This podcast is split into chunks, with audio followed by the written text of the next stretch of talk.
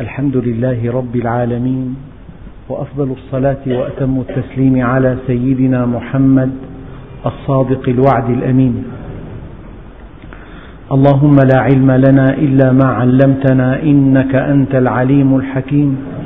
اللهم علمنا ما ينفعنا وانفعنا بما علمتنا وزدنا علما. وأرنا الحق حقا وارزقنا اتباعه.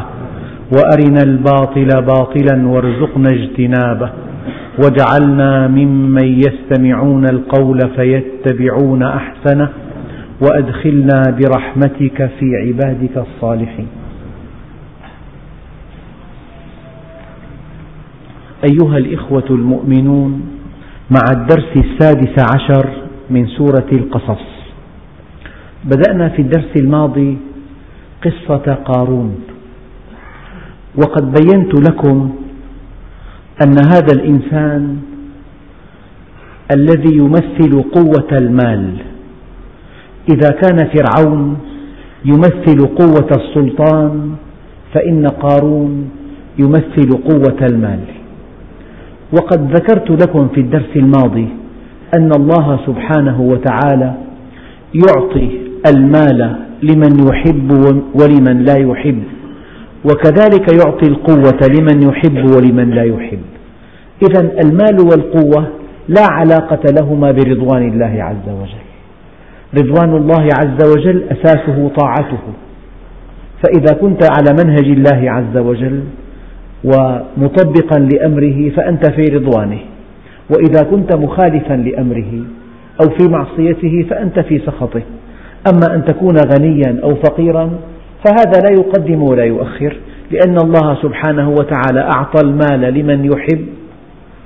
سيدنا ابن عوف ولمن لا يحب؟ قارون. وأعطى القوة لمن يحب؟ سيدنا سليمان. ولمن لا يحب؟ فرعون. ما دام الشيء يعطى لمن يحب ولمن لا يحب إذا ليس مؤشرا صحيحا على حب الله عز وجل. أما ما يدعيه بعض الأغنياء من أن الله يحبهم والدليل أعطاهم المال هذا كلام لا يقوم على أساس. إذا بينت لكم في الدرس الماضي أن هذا الإنسان قارون كان من قوم موسى فبغى عليهم والبغي هو الخروج عن المنهج الخروج عن الصراط المستقيم. وآتيناه من الكنوز وإن كانت هذه الواو عاطفة إلا أن بعض العلماء يقول إن سبب بغيه وانحرافه وطغيانه هذا المال الذي جعله الله بين يديه. إذا إذا نمى المال بأسرع مما ينمو الإيمان فهناك خطر كبير أن يختل التوازن ويصبح هذا المال سببا ليحمل صاحبه على المعصية. هذا سماه النبي عليه الصلاة والسلام الغنى المطغي. الغنى المطغي أن يدفعك المال إلى معصية الله. فإن قارون كان من قوم موسى فبغى عليهم وآتيناه من الكنوز. أيضا المال إذا دفعت زكاته ليس بكنز. أما إذا لم تدفع زكاته فهو كنز وأصحاب الكنوز لهم حساب خاص عند الله عز وجل. وآتيناه من الكنوز ما إن مفاتحه لتنوء بالعصبة أولي القوة إذ قال له قومه لا تفرح إن الله لا يحب الفرحين. هنا مقياس دقيق. قال له قومه العلماء العقلاء لا تفرح. إن الله لا يحب الفرحين أي بالدنيا. لذلك قل لي ما الذي يفرحك؟ أقول لك من أنت. المؤمن يفرح بطاعته لله يفرح بفهمه لكتاب الله يفرح بفهمه لسنة النبي عليه الصلاة والسلام يفرح إذا أمر بالمعروف إذا نهى عن المنكر إذا وفق بين اثنين إذا كان شفيعا في نكاح إذا دعا إلى الله. يفرح إذا قدر الله على يديه عملا يسعده في الآخرة. هنا يفرح فرحا عظيما.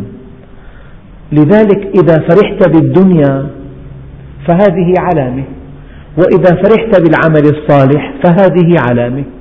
لذلك قال بعض العلماء إذا فرحت بالعطاء فأنت من أهل الآخرة. أما إذا فرحت بالأخذ فأنت من أهل الدنيا. هذه قاعدة. لا تفرح إن الله لا يحب الفرحين. في آيات أخرى الله سبحانه وتعالى يصف أهل الجنة ويصف أحوال المتقين ويقول فبذلك فليفرحوا. يعني كلمة هنيئا تهانينا مبارك هذه الكلمات نقولها اليوم لمن يحوز بيتا أو مركبة أو متجرا أو بستانا أو حديقة أو منصبا رفيعا.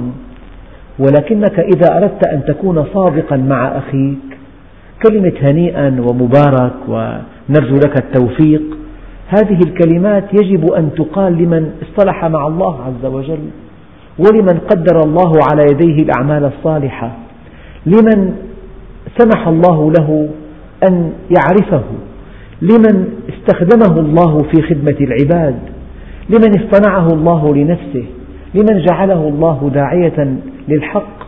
إذا كنت في عمل طيب تسعد به في الآخرة فعلا هنيئا لك ومبارك.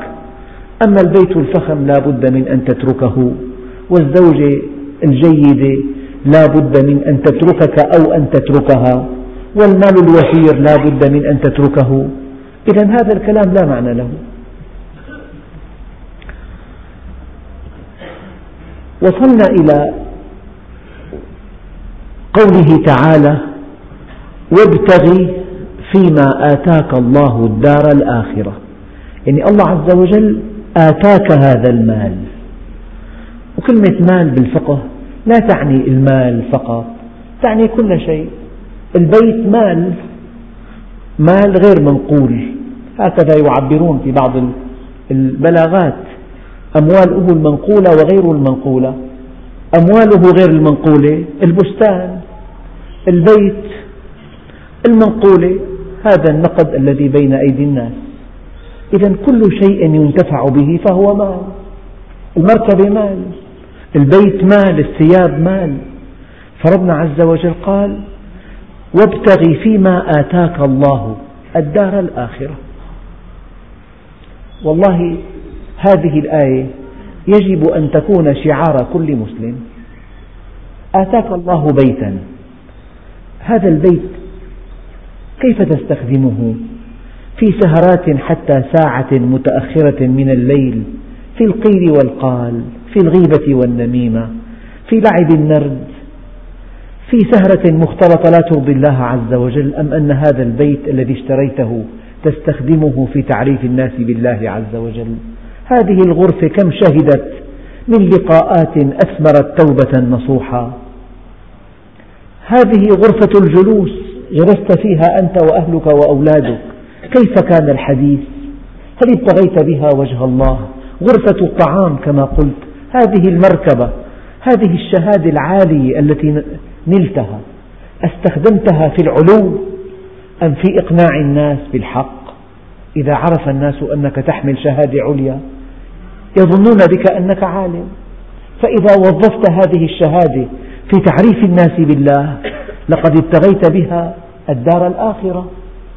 أنجبت أولادا لماذا أنجبتهم؟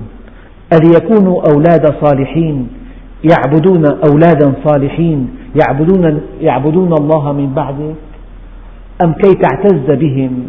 فلان طبيب فلان يحمل شهادة كذا بعثته للندن تعلم لغة إنجليزية. له لغة جيدة ولم تنتبه ماذا فعل في, هذا في هذه البلدة وقع في الزنا أم وقع في الحرام. المهم أن يعود من هذه البلاد الكافرة يحمل شهادة عليا تزهو به أمام الناس. هكذا. أأنت أأنجبت هذا الولد كي تفتخر به أم, أن أم من أجل أن يكون ولدا صالحا يدعو الله يدعو يعبد الله من بعدك وابتغ فيما آتاك الله الدار الآخرة حتى صحتك. يعني هذه الصحة إذا نعمت بها بماذا تستخدمها؟ في الاسترخاء وفي الاستمتاع؟ أم تستخدم هذه الصحة في طاعة الله في خدمة الخلق؟ هذا الذكاء الذي أعطاك الله إياه أتستخدمه في جمع المال أم في التفكر في الواحد الديان؟ كيف تهدي الناس؟ كيف تعين الناس؟ كيف توفق بين الناس؟ هذا الذكاء هذه العضلات هذه العين. ترى بها مباهج الدنيا أم ترى بها آيات الله عز وجل؟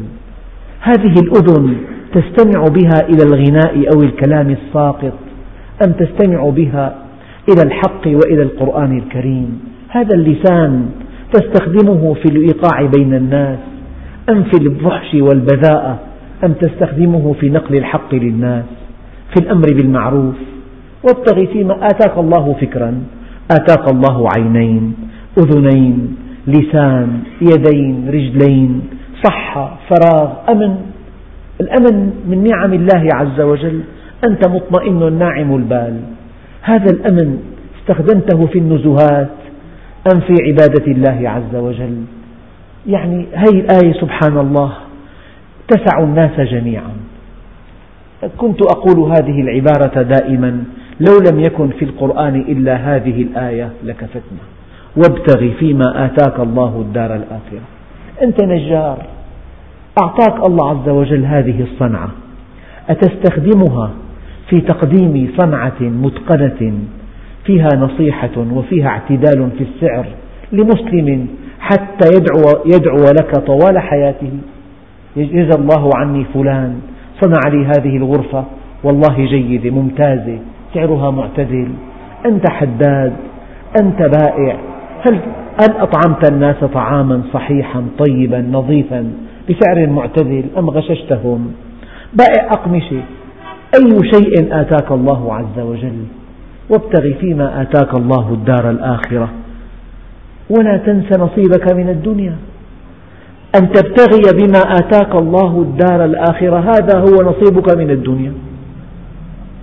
يعني جئت إلى الدنيا وخرجت منها من أجل أن يكون لك عمل صالح تسعد به إلى الأبد.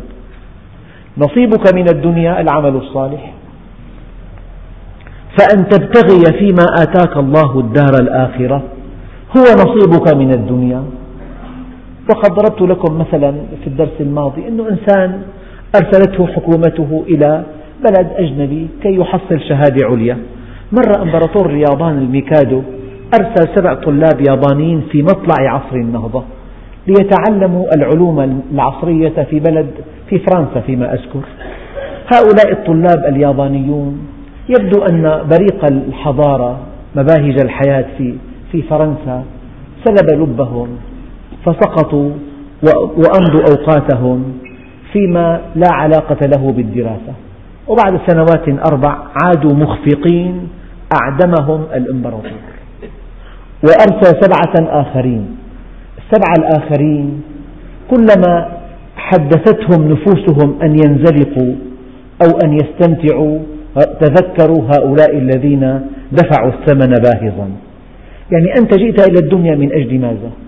النبي عليه الصلاة والسلام حينما دعي إلى اللهو قال كلمة لا تنسى تكتب بماء الذهب. قال لم أخلق لهذا. أنا لم أخلق لهذا. خلق النبي عليه الصلاة والسلام وخلقت أمته وجميع الناس لهدف نبيل. هذا هو النصيب من الدنيا ولا تنس نصيبك من الدنيا. مدرس طبيب مهندس بائع صانع نجار من أصحاب المهن الرفيعة أو غير الرفيعة. ماذا فعلت كي تلقى الله عز وجل؟ ما الشيء الذي قدمته؟ ما الشيء الذي أعددته لساعة اللقاء مع الله عز وجل؟ هذا ولا تنس نصيبك من الدنيا. وكيف أن معظم الناس يفهمون هذه الآية على نحو آخر؟ يعني إذا ذهب إلى نزهة وأكل وشرب واستمتع وكذا يقول لك الله عز وجل قال ولا تنس نصيبك من الدنيا. وإذا جلس مع أهله وأمضى سهرة في كلام فارغ يقول لك ساعة لك على ربك. ولا تنس نصيبك من الدنيا. لا هذه الآية ما أراد الله بها إلا المعنى الذي يفرده السياق. سياق الآيات وابتغ فيما آتاك الله الدار الآخرة أن تبتغي فيما آتاك الله الدار الآخرة هو نصيبك من الدنيا. إذا إذا أرسلنا طالبا إلى بلد أجنبي ليحصل شهادة رفيعة عالية قد يبعث له أبوه كل شهر برسالة يقول له لا تنسى الدراسة يا بني. لا تنسى أن يأتي أن ينتهي هذا العام وقد نجحت بتفوق. لا تنسى أنك ما ذهبت إلى هذه البلدة إلا كي تدرس. إياك أن تحيد يمينا أو شمالا. هكذا. وأنت جئت إلى الدنيا من أجل أن تعرف الله. وأن تستقيم على أمره. وأن تعمل الصالحات تقربا إليه كي تسعد في الدنيا والآخرة. وأحسن كما أحسن الله إليك. منحك الله نعمة الإيجاد. ونعمة الإمداد ونعمة الإرشاد. أنت من حسنات الله أنت حسنة من صنع الله عز وجل. وجودك حسنة إمدادك حسنة هدايتك حسنة بماذا تقابل هذا العطاء؟ وأحسن كما أحسن الله إليك. ولا تبغي الفساد في الأرض. فسرت في الدرس الماضي أن الفساد إذا بالغت في طعامك وشرابك وزينتك وحولك من والناس من حولك في حرمان أوقعت فيهم مشاعر عدة عند المؤمنين يشعرون بالحرمان وعند غير المؤمنين يشعرون بالحقد والبغض والكراهية. فإذا اعتديت فإذا قصرت في حقهم فقد أفسدتهم فإذا اغتصبت أموالهم فقد أفسدتهم. إظهار الزينة يضاف إليها التقصير في أداء الحقوق يضاف إليها العدوان على حقوق الآخرين. هذا كله مما تعنيه كلمة ولا تبغي الفساد في الأرض إن الله لا يحب المفسدين. وكم أتمنى عليكم أن تقرأوا كتاب الله عز وجل وتبحثوا ماذا يحب الله عز وجل وماذا لا يحب. أي واحد منهم. إن الله لا يحب المفسدين. لا يحب كل خوان كفور. لا يحب الكاذبين. لا يحب آه، الظالمين. لا يحب الفاسقين. يحب المؤمنين. يحب الصادقين. يحب التائبين. يحب التوابين. يحب الصابرين. يحب المؤمنين. هكذا. إلى هنا وصلنا في الدرس الماضي. أردت أن ألخص ما قيل في الدرس الماضي حتى تأتي القصة في انسجام. يبدو أن من حول قارون قالوا له هذا الكلام يا قارون أحسن كما أحسن الله إليك. لا تبغي الفساد في الأرض أنفق هذا المال في طاعة الله. ابحث عن الحقيقة. هكذا كان جوابه إنما أوت قال إنما أوتيته على علم عندي. إنما أوتيته على علم عندي. دققوا في الصياغة. وابتغي فيما آتاك الله. هذا المال الوفير.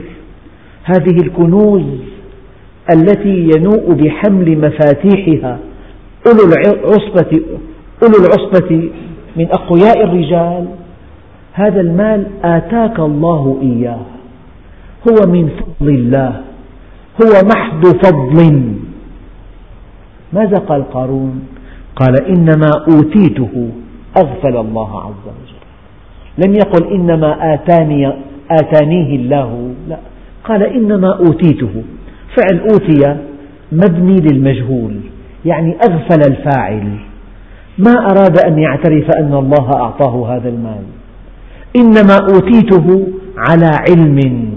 أنا عليم بطرق كسب المال بأسرار التجارة بأصول الصناعة بفن التسويق بفن البيع بالأساليب الذكية في تحصيل المال وفي استثماره هؤلاء الذين يستثمرون أموالهم في بلاد أجنبية وبنسب عالية جدا. وينقلون هذا المال من عملة إلى عملة على حسب الأسعار. هم في أعلى درجة من الذكاء ويوزعون أموالهم مع شركات متعددة ومع دول متعددة. يعني هؤلاء كما يدعي قارون إنما أوتيته على علم عندي. يعني أنا متمرس أعرف كيف أكسب المال وكيف أستثمره وكيف أنميه بوتائر عالية وكيف أوزعه في مشاريع متعددة وفي بلاد متعددة ضمانا للأخطار وكيف أجمع الفائدة المركبة وكيف أحصل هذا المال؟ هذا علمي. إنما أوتيته على علم عندي. يعني بس حينما تقول عندي فأنت كقارون حينما تقول لي فأنت كفرعون حينما تقول أنا فأنت كإبليس حينما تقول نحن كجماعة بلقيس. أربع كلمات محظور على المؤمن أن يذكرها. أنا ونحن ولي وعندي. أنا ونحن ولي وعندي. قال إبليس أنا خير منه فأهلكه الله. وقال أصحاب بلقيس نحن أولو قوة وأولو بأس شديد. والأمر إليك فانظري ماذا تأمرين. وقالها فرعون أليس لي ملك مصر؟ وهذه الأنهار تجري من حولي فأغرقه الله. وقال قارون إنما أوتيته على علم عندي. القضية أعمق من كلمات تقولها. القضية مشاعر. يعني إذا شعرت أن هذا البيت من من تعبك وعرق جبينك. أنت عصامي. صاحب إرادة حديدية. تملك وسائل ناجحة في كسب المال حتى حصلت هذا البيت. هي مشاعر قارون. إنما أوتيته على علم عندي. يعني مو القضية قضية أدب مع الله قضية حقيقة. يعني الله عز وجل إنسان بأوج نشاطه التجاري. لو أن نقطة دم لا يزيد حجمها عن حجم رأس دبوس تجمدت في بعض شرايين الدماغ.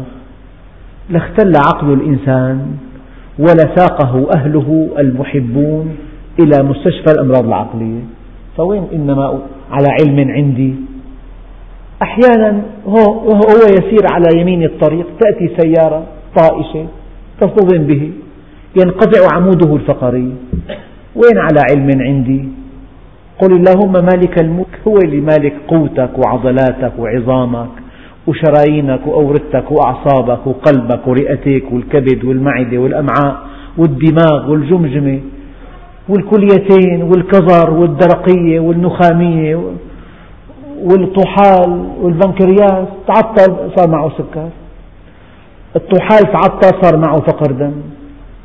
الكليتين تعطلتا بده غسيل أسبوعي. وين أنت؟ على علم عندي. وين على علم عندي؟ قل اللهم مالك الملك. قال إنما أوتيته على علم عندي. الحقيقة كلامه أعمق من ذلك. أراد قارون أن يقول أنا هذا المال حصلته بجهدي وبعلم أمتلكه إذا أنا حر في إنفاق المال. يبدو أن المؤمنين يدعونه إلى أن يحسن أن ينفق من ماله في الخير. قال لا هذا المال حصلته بجهدي وبتعبي وبعرق جبيني وأنا أملك خبرات ومعلومات وعلوم شتى في كسب المال وتثميره وجمعه إلى آخره. إذا هو ملكي. إذا أنا حر في إنفاقه. إذا دعوتكم للإحسان مرفوضة. هذا كلام قارون. إنما أوتيته على علم عندي. الحقيقة يعني الآن الكلام يسوقنا إلى موقف الإسلام من هذه الموضوعات. الإسلام يقر التملك لأن حب التملك شيء فطري بالإنسان ويبدو أن هذا التملك له وظائف مهمة جدا. وحينما تلغى الملكية ربما هناك مضاعفات خطيرة جدا. لذلك الذين نادوا بإلغائها عادوا إليها الآن. إذا الإسلام يقر التملك ولكن الإسلام يضع حدودا صارمة لكسب المال. الإسلام يحرم أن يرد المال المال. عن طريق الربا يرد المال المال. الإسلام يضبط كسب المال ويضبط إنفاق المال ولا يحرم المسلم من ثمرة جهوده لكنه يحول بينه وبين أن يسرف حتى يصبح مفسدا ويحول بينه وبين أن يقبض حتى يصبح مقترا لا يسمح الإسلام لأتباعه أن يكونوا مسرفين ولا أن يكونوا مقترين ولا أن يكسبوا المال كيفما يشاءون ولا أن ينفقونه كيفما يشاءون. الإسلام وسطي والحق وسط بين طرفين والفضيلة مكرمة بين رذيلتين والتطرف في خطأ كبير. لذلك العالم يشهد الآن أن المتطرفين يتجهون إلى الوسط يعني إلى الإسلام. لا عن قناعة بالإسلام ولكنهم مرغمون. من أجل أن يعيشوا من أجل أن يستمروا. إذا وكذلك جعلناكم أمة وسطا. يعني أن تلغي مثلا حق الإنسان في التملك مشكلة وأن تطلق يده مشكلة. لا بد من قواعد لا بد من حدود. الإسلام أقر شيئا ومنع شيئا. أقر شيئا وقنن شيئا. فلذلك حينما قال قارون إنما أوتيته على علم عندي يقصد من هذا الكلام أن هذا المال بما أنني كسبته بعلمي وبجهدي وبتعبي وعرق جبيني أنا حر في إنفاقه. الجواب لا. إن هذا المال من اسمه ما لك يعني ليس لك. ماله أي ليس له. فأما من أوتي كتابه بيمينه فيقول هاؤم اقرءوا كتابي. إني ظننت أني ملاق حسابي فهو في عيشة راضية في جنة عالية قطوفها دانية كلوا واشربوا هنيئا بما أسلفتم في الأيام الخالية. وأما من أوتي كتابه بشماله فيقول يا ليتني لم أوت كتابي ولم أدر ما حسابي يا ليتها كانت القاضية ما أغنى عني مالية. هلك عني سلطانية. خذوه فغلوه ثم الجحيم صلوه ثم في سلسلة ذرعها سبعون ذراعا فاسلكوه. كيف رد الله عليه؟ هو أوتي هذا المال وأغفل الله الواحد الديان. ما قال إن الله قد آتاني إياه؟ قال إنما أوتيته على علم عندي. كيف رد الله عليه؟ هذا الذي كسب المال بقوته وعلمه وذكائه. وعنده خبرات كبيرة في الحفاظ عليه وفي تنميته واستثماره. كيف يفقد ماله كله؟ إذا هو مدعي وليس صادقا. أولم يعلم أن الله قد أهلك من قبله من القرون من هو أشد منه قوة وأكثر جمعا. إذا كان هذا المال قد جاء بقوتك فحافظ عليه. أليس هناك أمثلة كثيرة جدا قديما وحديثا؟ عن إنسان يملك ثروات طائلة فقدها في ساعات ثلاث. أولم يعلم أولم يعلم أن الله قد أهلك من قبله من القرون من هو أشد منه قوة وأكثر جمعا. واحد أيام لك فلان معه كذا مليون. رقم كبير. في أغنياء بالعالم معهم كذا ألف مليون. كذا ألف مليون بالعملات الصعبة. إيه، ومع ذلك الله عز وجل قادر أن يمحق هذا المال لأن إيتاء المال بأمره ومحقه بأمره. أولم يعلم؟ لو أنهم هؤلاء أصحاب الأموال صادقون فيما يقولون واقعيون لمنعوا أن يهلك مالهم. لمنعوا أن يدمر مالهم لامتنعوا من فقد مالهم. قال أولم يعلم أن الله قد أهلك من قبله من القرون؟ لا من مستواه من هو أشد منه قوة وأكثر جمعا. شوف قوة المال وقوة السلطان. من هو أشد منه قوة وأكثر جمعا؟ ولا يسأل عن ذنوبهم المجرمون. هذه الآية دقيقة جدا لها معاني كثيرة. المعنى الأول أنه لما الإنسان يرتكب خطأ أو ذنب أو جريمة الإنسان لا يستطيع أن يحكم عليه إلا بالتحقيق. لعله مظلوم لعله لم يفعل هذا هو فعله غيره. لعله ما أراد هذا جرم غير مقصود ما في تصميم ما في كذا. فكل إنسان يرتكب ذنب في عالمنا لا بد من قاضي تحقيق يسأله, يسأله ويستجوبه ويأخذ إقراره ويعرض عليه ويحرجه أحيانا. من أجل ماذا؟ من أجل أن يظهر الحق وأن يأتي الحكم عادلا وصحيحا. طيب. الله سبحانه وتعالى إذا ارتكب العبد ذنبا أو جريمة هل الله بحاجة أن يسأله؟ هو العليم عليم بمكنونات نفسه. بما تنطوي عليه نفسه بنواياه الحقيقية بحجم عمله بحجم مخالفته. فربنا عز وجل ليس كمثله شيء. الإنسان يسأل. الإنسان يسأل ليعلم لأنه لا يعلم. يحقق. يحب أن يتأكد. يحب أن يكون معه الدليل على جرمية هذا المجرم. يحب الاعتراف. وقع في معصية. هذه المعصية بنواياها بمطامحها بحجمها الحقيقي.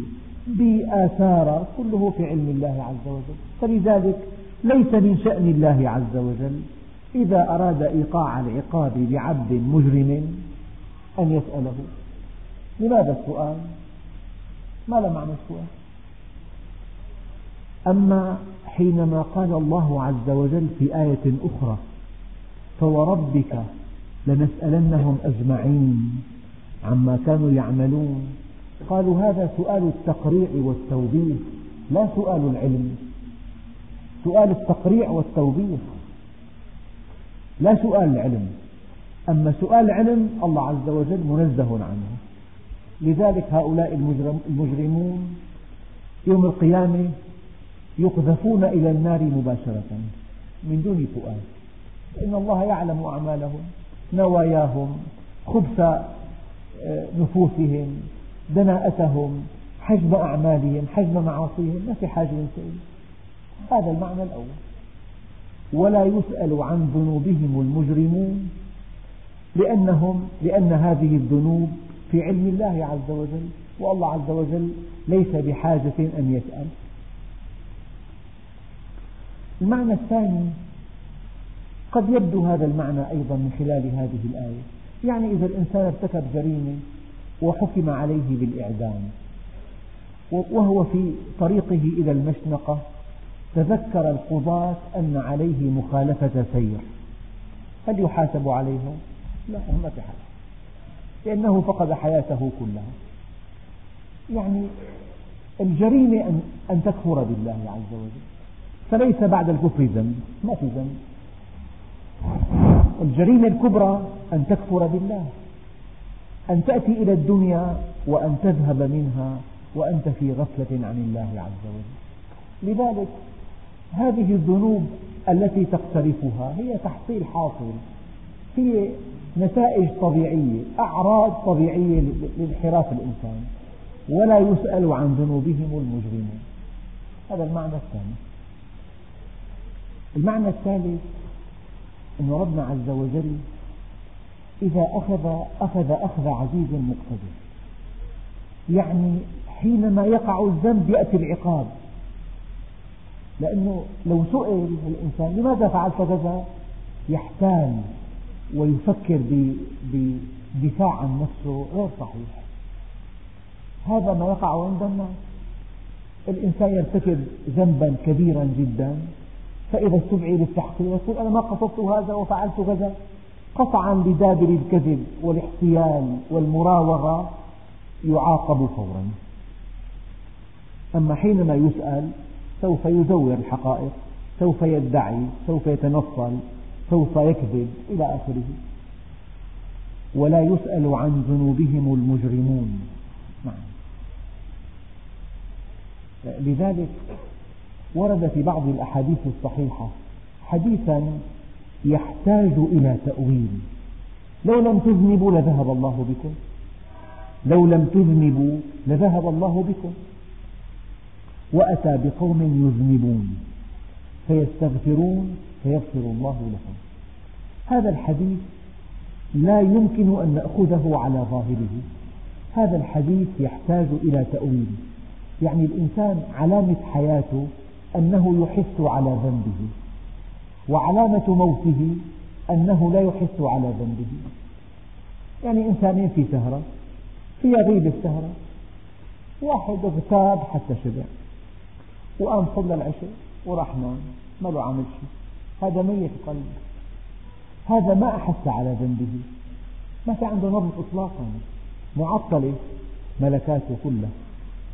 لكن المؤمن الصادق إذا نطق لسانه بكلمة غيبة واحدة يختل توازنه ولا ينام الليل ويدفع الصدقة مباشرة. علامة صحة إيمانك إحساسك بذنبك.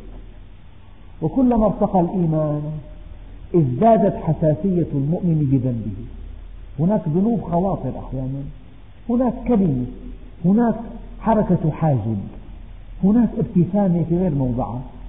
هناك نظرة قاسية. هناك دفع للباب بأقصى مما يجب هذا ذنب كبير في حضرة الأم أو الأب. كلما ارتقى مستوى الإنسان امتلك شعورا حساسا جدا في إدراك ذنبه. وكلما هبط مستواه تلبد حسه. وصار يقول ماذا أفعل؟ أنا لا أفعل شيء أنا منيح أنا جيد. إذا كلما ارتقيت في سلم الإيمان ارتقى معك, ارتقى معك شعورك بالذنب. لو لم تذنبوا أي لو لم تشعروا بذنوبكم لذهب الله بكم. أنتم موتى. هكذا الحديث. وأتى بقوم يذنبون. يعني إذا أذنبوا شعروا بذنوبهم فاستغفروا. فيستغفرون فيغفر الله لهم. ولا يسأل عن ذنوبهم المجرمون. الملاحظ أن إخوان إخواننا الكرام لهم هيك صلة بالله عز وجل وقناعات صحيحة وإدراك لأوامر الله عز وجل لو أنه واحد أخطأ أو اغتاب أو نظر نظرة غير في غير موضعها أو أشار بشيء في مخالفة أو كان سبب في أذى يأتي ويسأل في لهفة كبيرة ما هذه اللهفة؟ هي لهفة إحساسه بذنبه. أما هناك من يفعل الموبقات كلها ويرتكب كل الحماقات ويخرج عن الشرع كله ومع ذلك يقول لك أنا جيد أنا ممتاز. هكذا يقولون. إذا اعرف أنه كلما ارتقيت عند الله عز وجل تزداد مشاعرك المرهفة في إحساسك بالذنب. وكلما هبط المستوى تلبد الحس. فالبطولة سيدنا عمر قال ليت أم عمر لم تلد عمر. عمر عملاق الإسلام الذي قال عنه النبي الكريم لو كان نبي بعدي لكان عمر. لم أر عبقريا يفري فريك يا عمر. ما سلكت فجا إلا وسلك الشيطان فجا غير فجك. هذا عمر ماذا يقول؟ ليت, ليت أم عمر لم تلد عمر. ليتها كانت عقيمة. عمر عملاق الإسلام يقول لو أن بغلة في العراق تعثرت في الطريق لحاسبني الله عنها. لم لم تصلح لها الطريق يا عمر؟ انتبهوا فكرة مهمة جدا. كلما ارتقى مستواك في الإيمان ارتقى إحساسك بالذنب.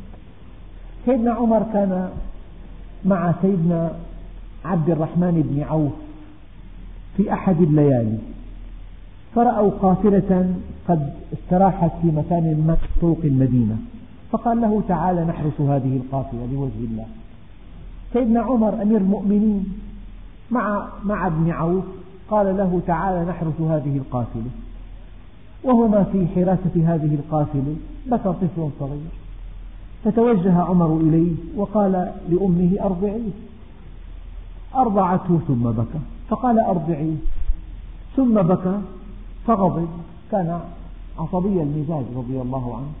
فذهب إلى أمه وقال يا أمة السوء أرضعيه فقالت أيها الرجل ما شأنك بنا؟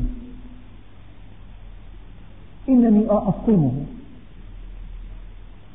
قال ولم تفطميه قال لأن عمر لا يعطينا العطاء إلا بعد الفطام. المعاش التقاعد يعني المعاش التعويض العائلي لا يصرف إلا بعد الفطام. تروي كتب السيرة أنه صعق وقال ويحك يا ابن الخطاب كم قتلت من أطفال المسلمين. هكذا تروي السيرة. وذهب إلى المسجد وصلى بأصحابه صلاة الفجر. ويقول أصحابه إنهم ما سمعوا صوت قراءته من شدة بكائه. وأصدر في التو قرارا بمنح التعويض العائلي للأطفال من ساعة ولادته. إحساس بالذنب. قال له ماذا تفعل إذا جاءك الناس بسارق أو ناهب لأحد الولاة قال أقطع يده.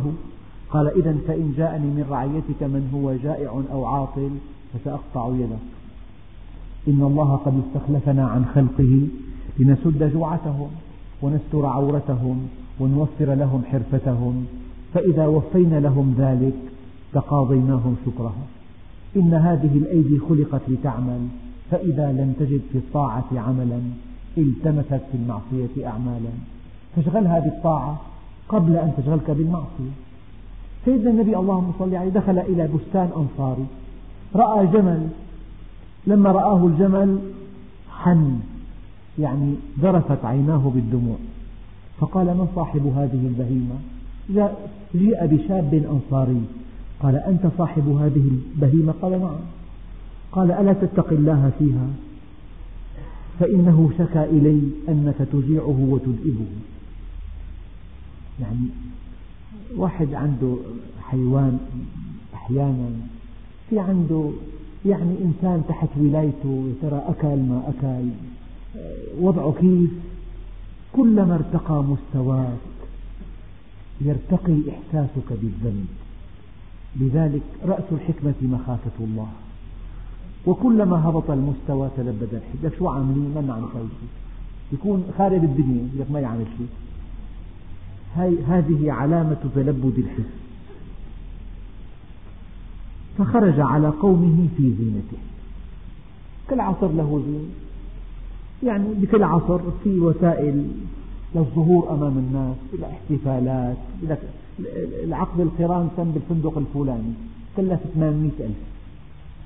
قدموا مثلا مع كل آه، كتاب أو مع كل آه، شيء من الحلوى قطعة كذا وكذا.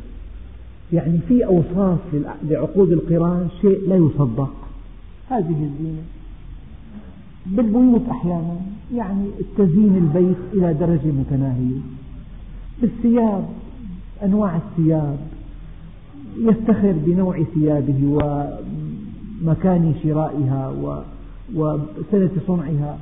هذا كله كما قال عنه سيدنا علي قال يأتي على الناس زمان قيمة المرء متاعه.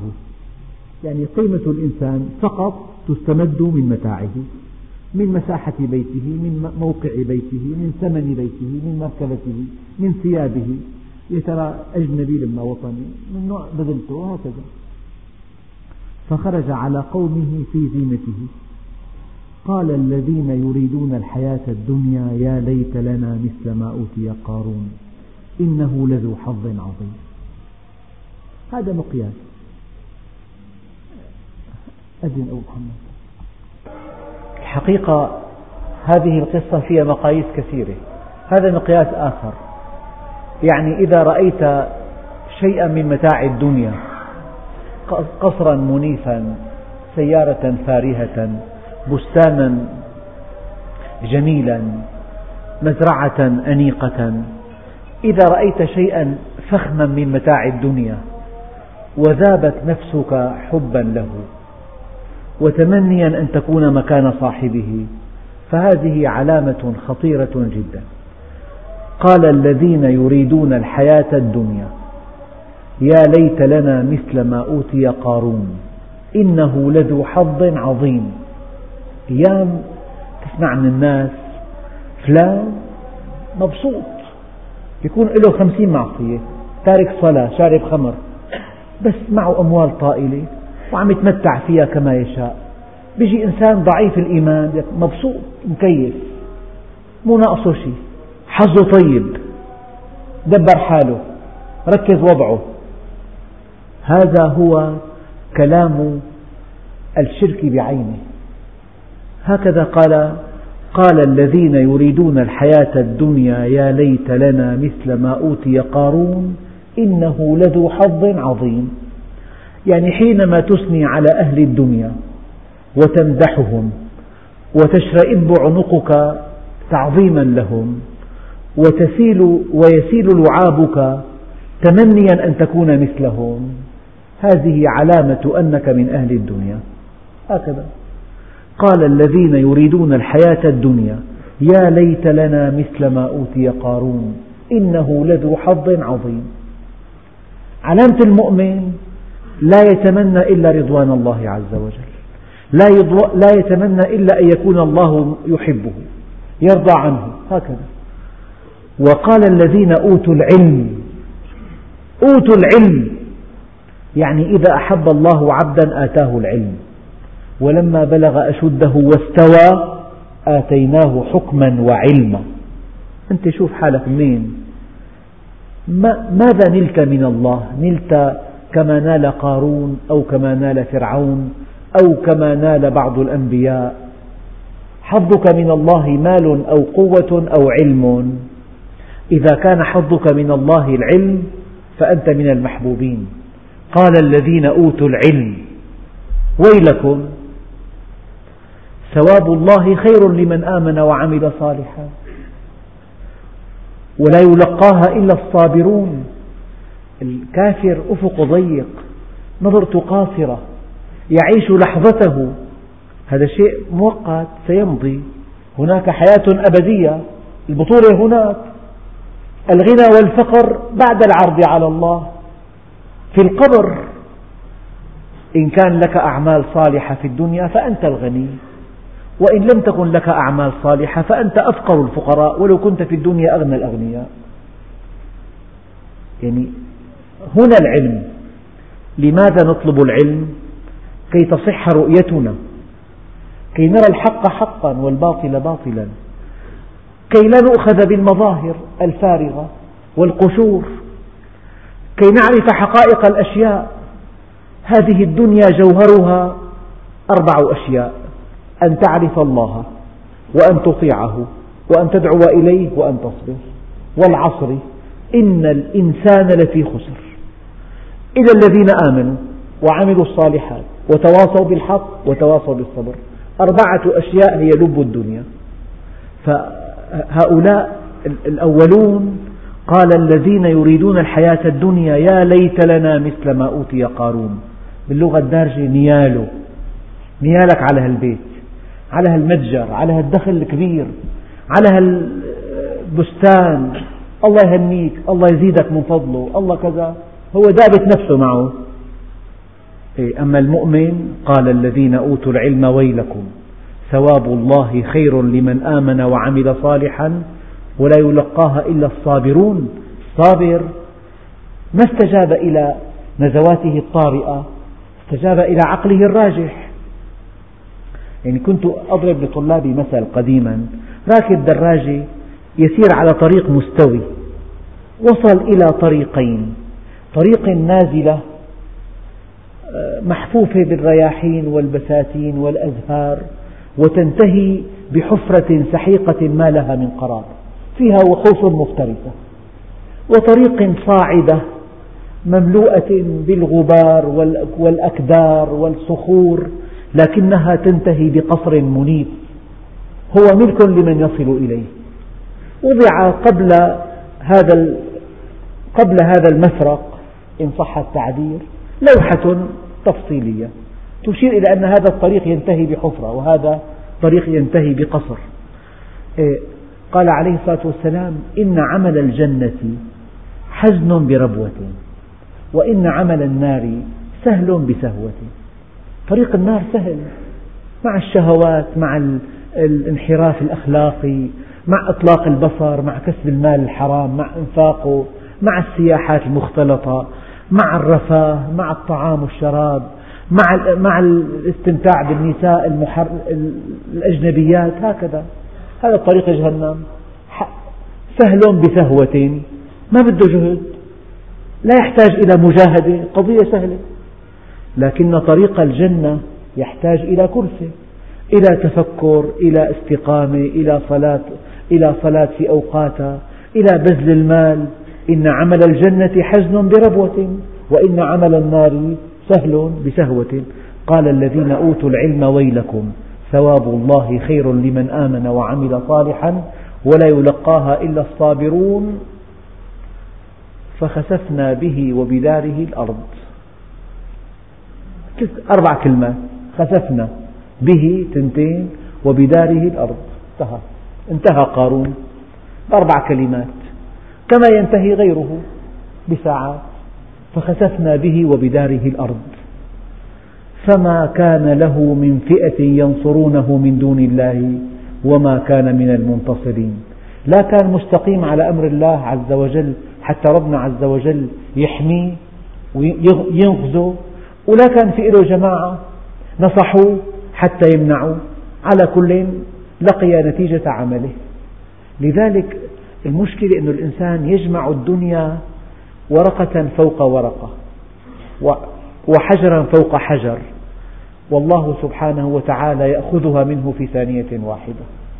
فالبطولة كما قال النبي الكريم إذا أردت إنفاذ أمر تدبر عاقبته.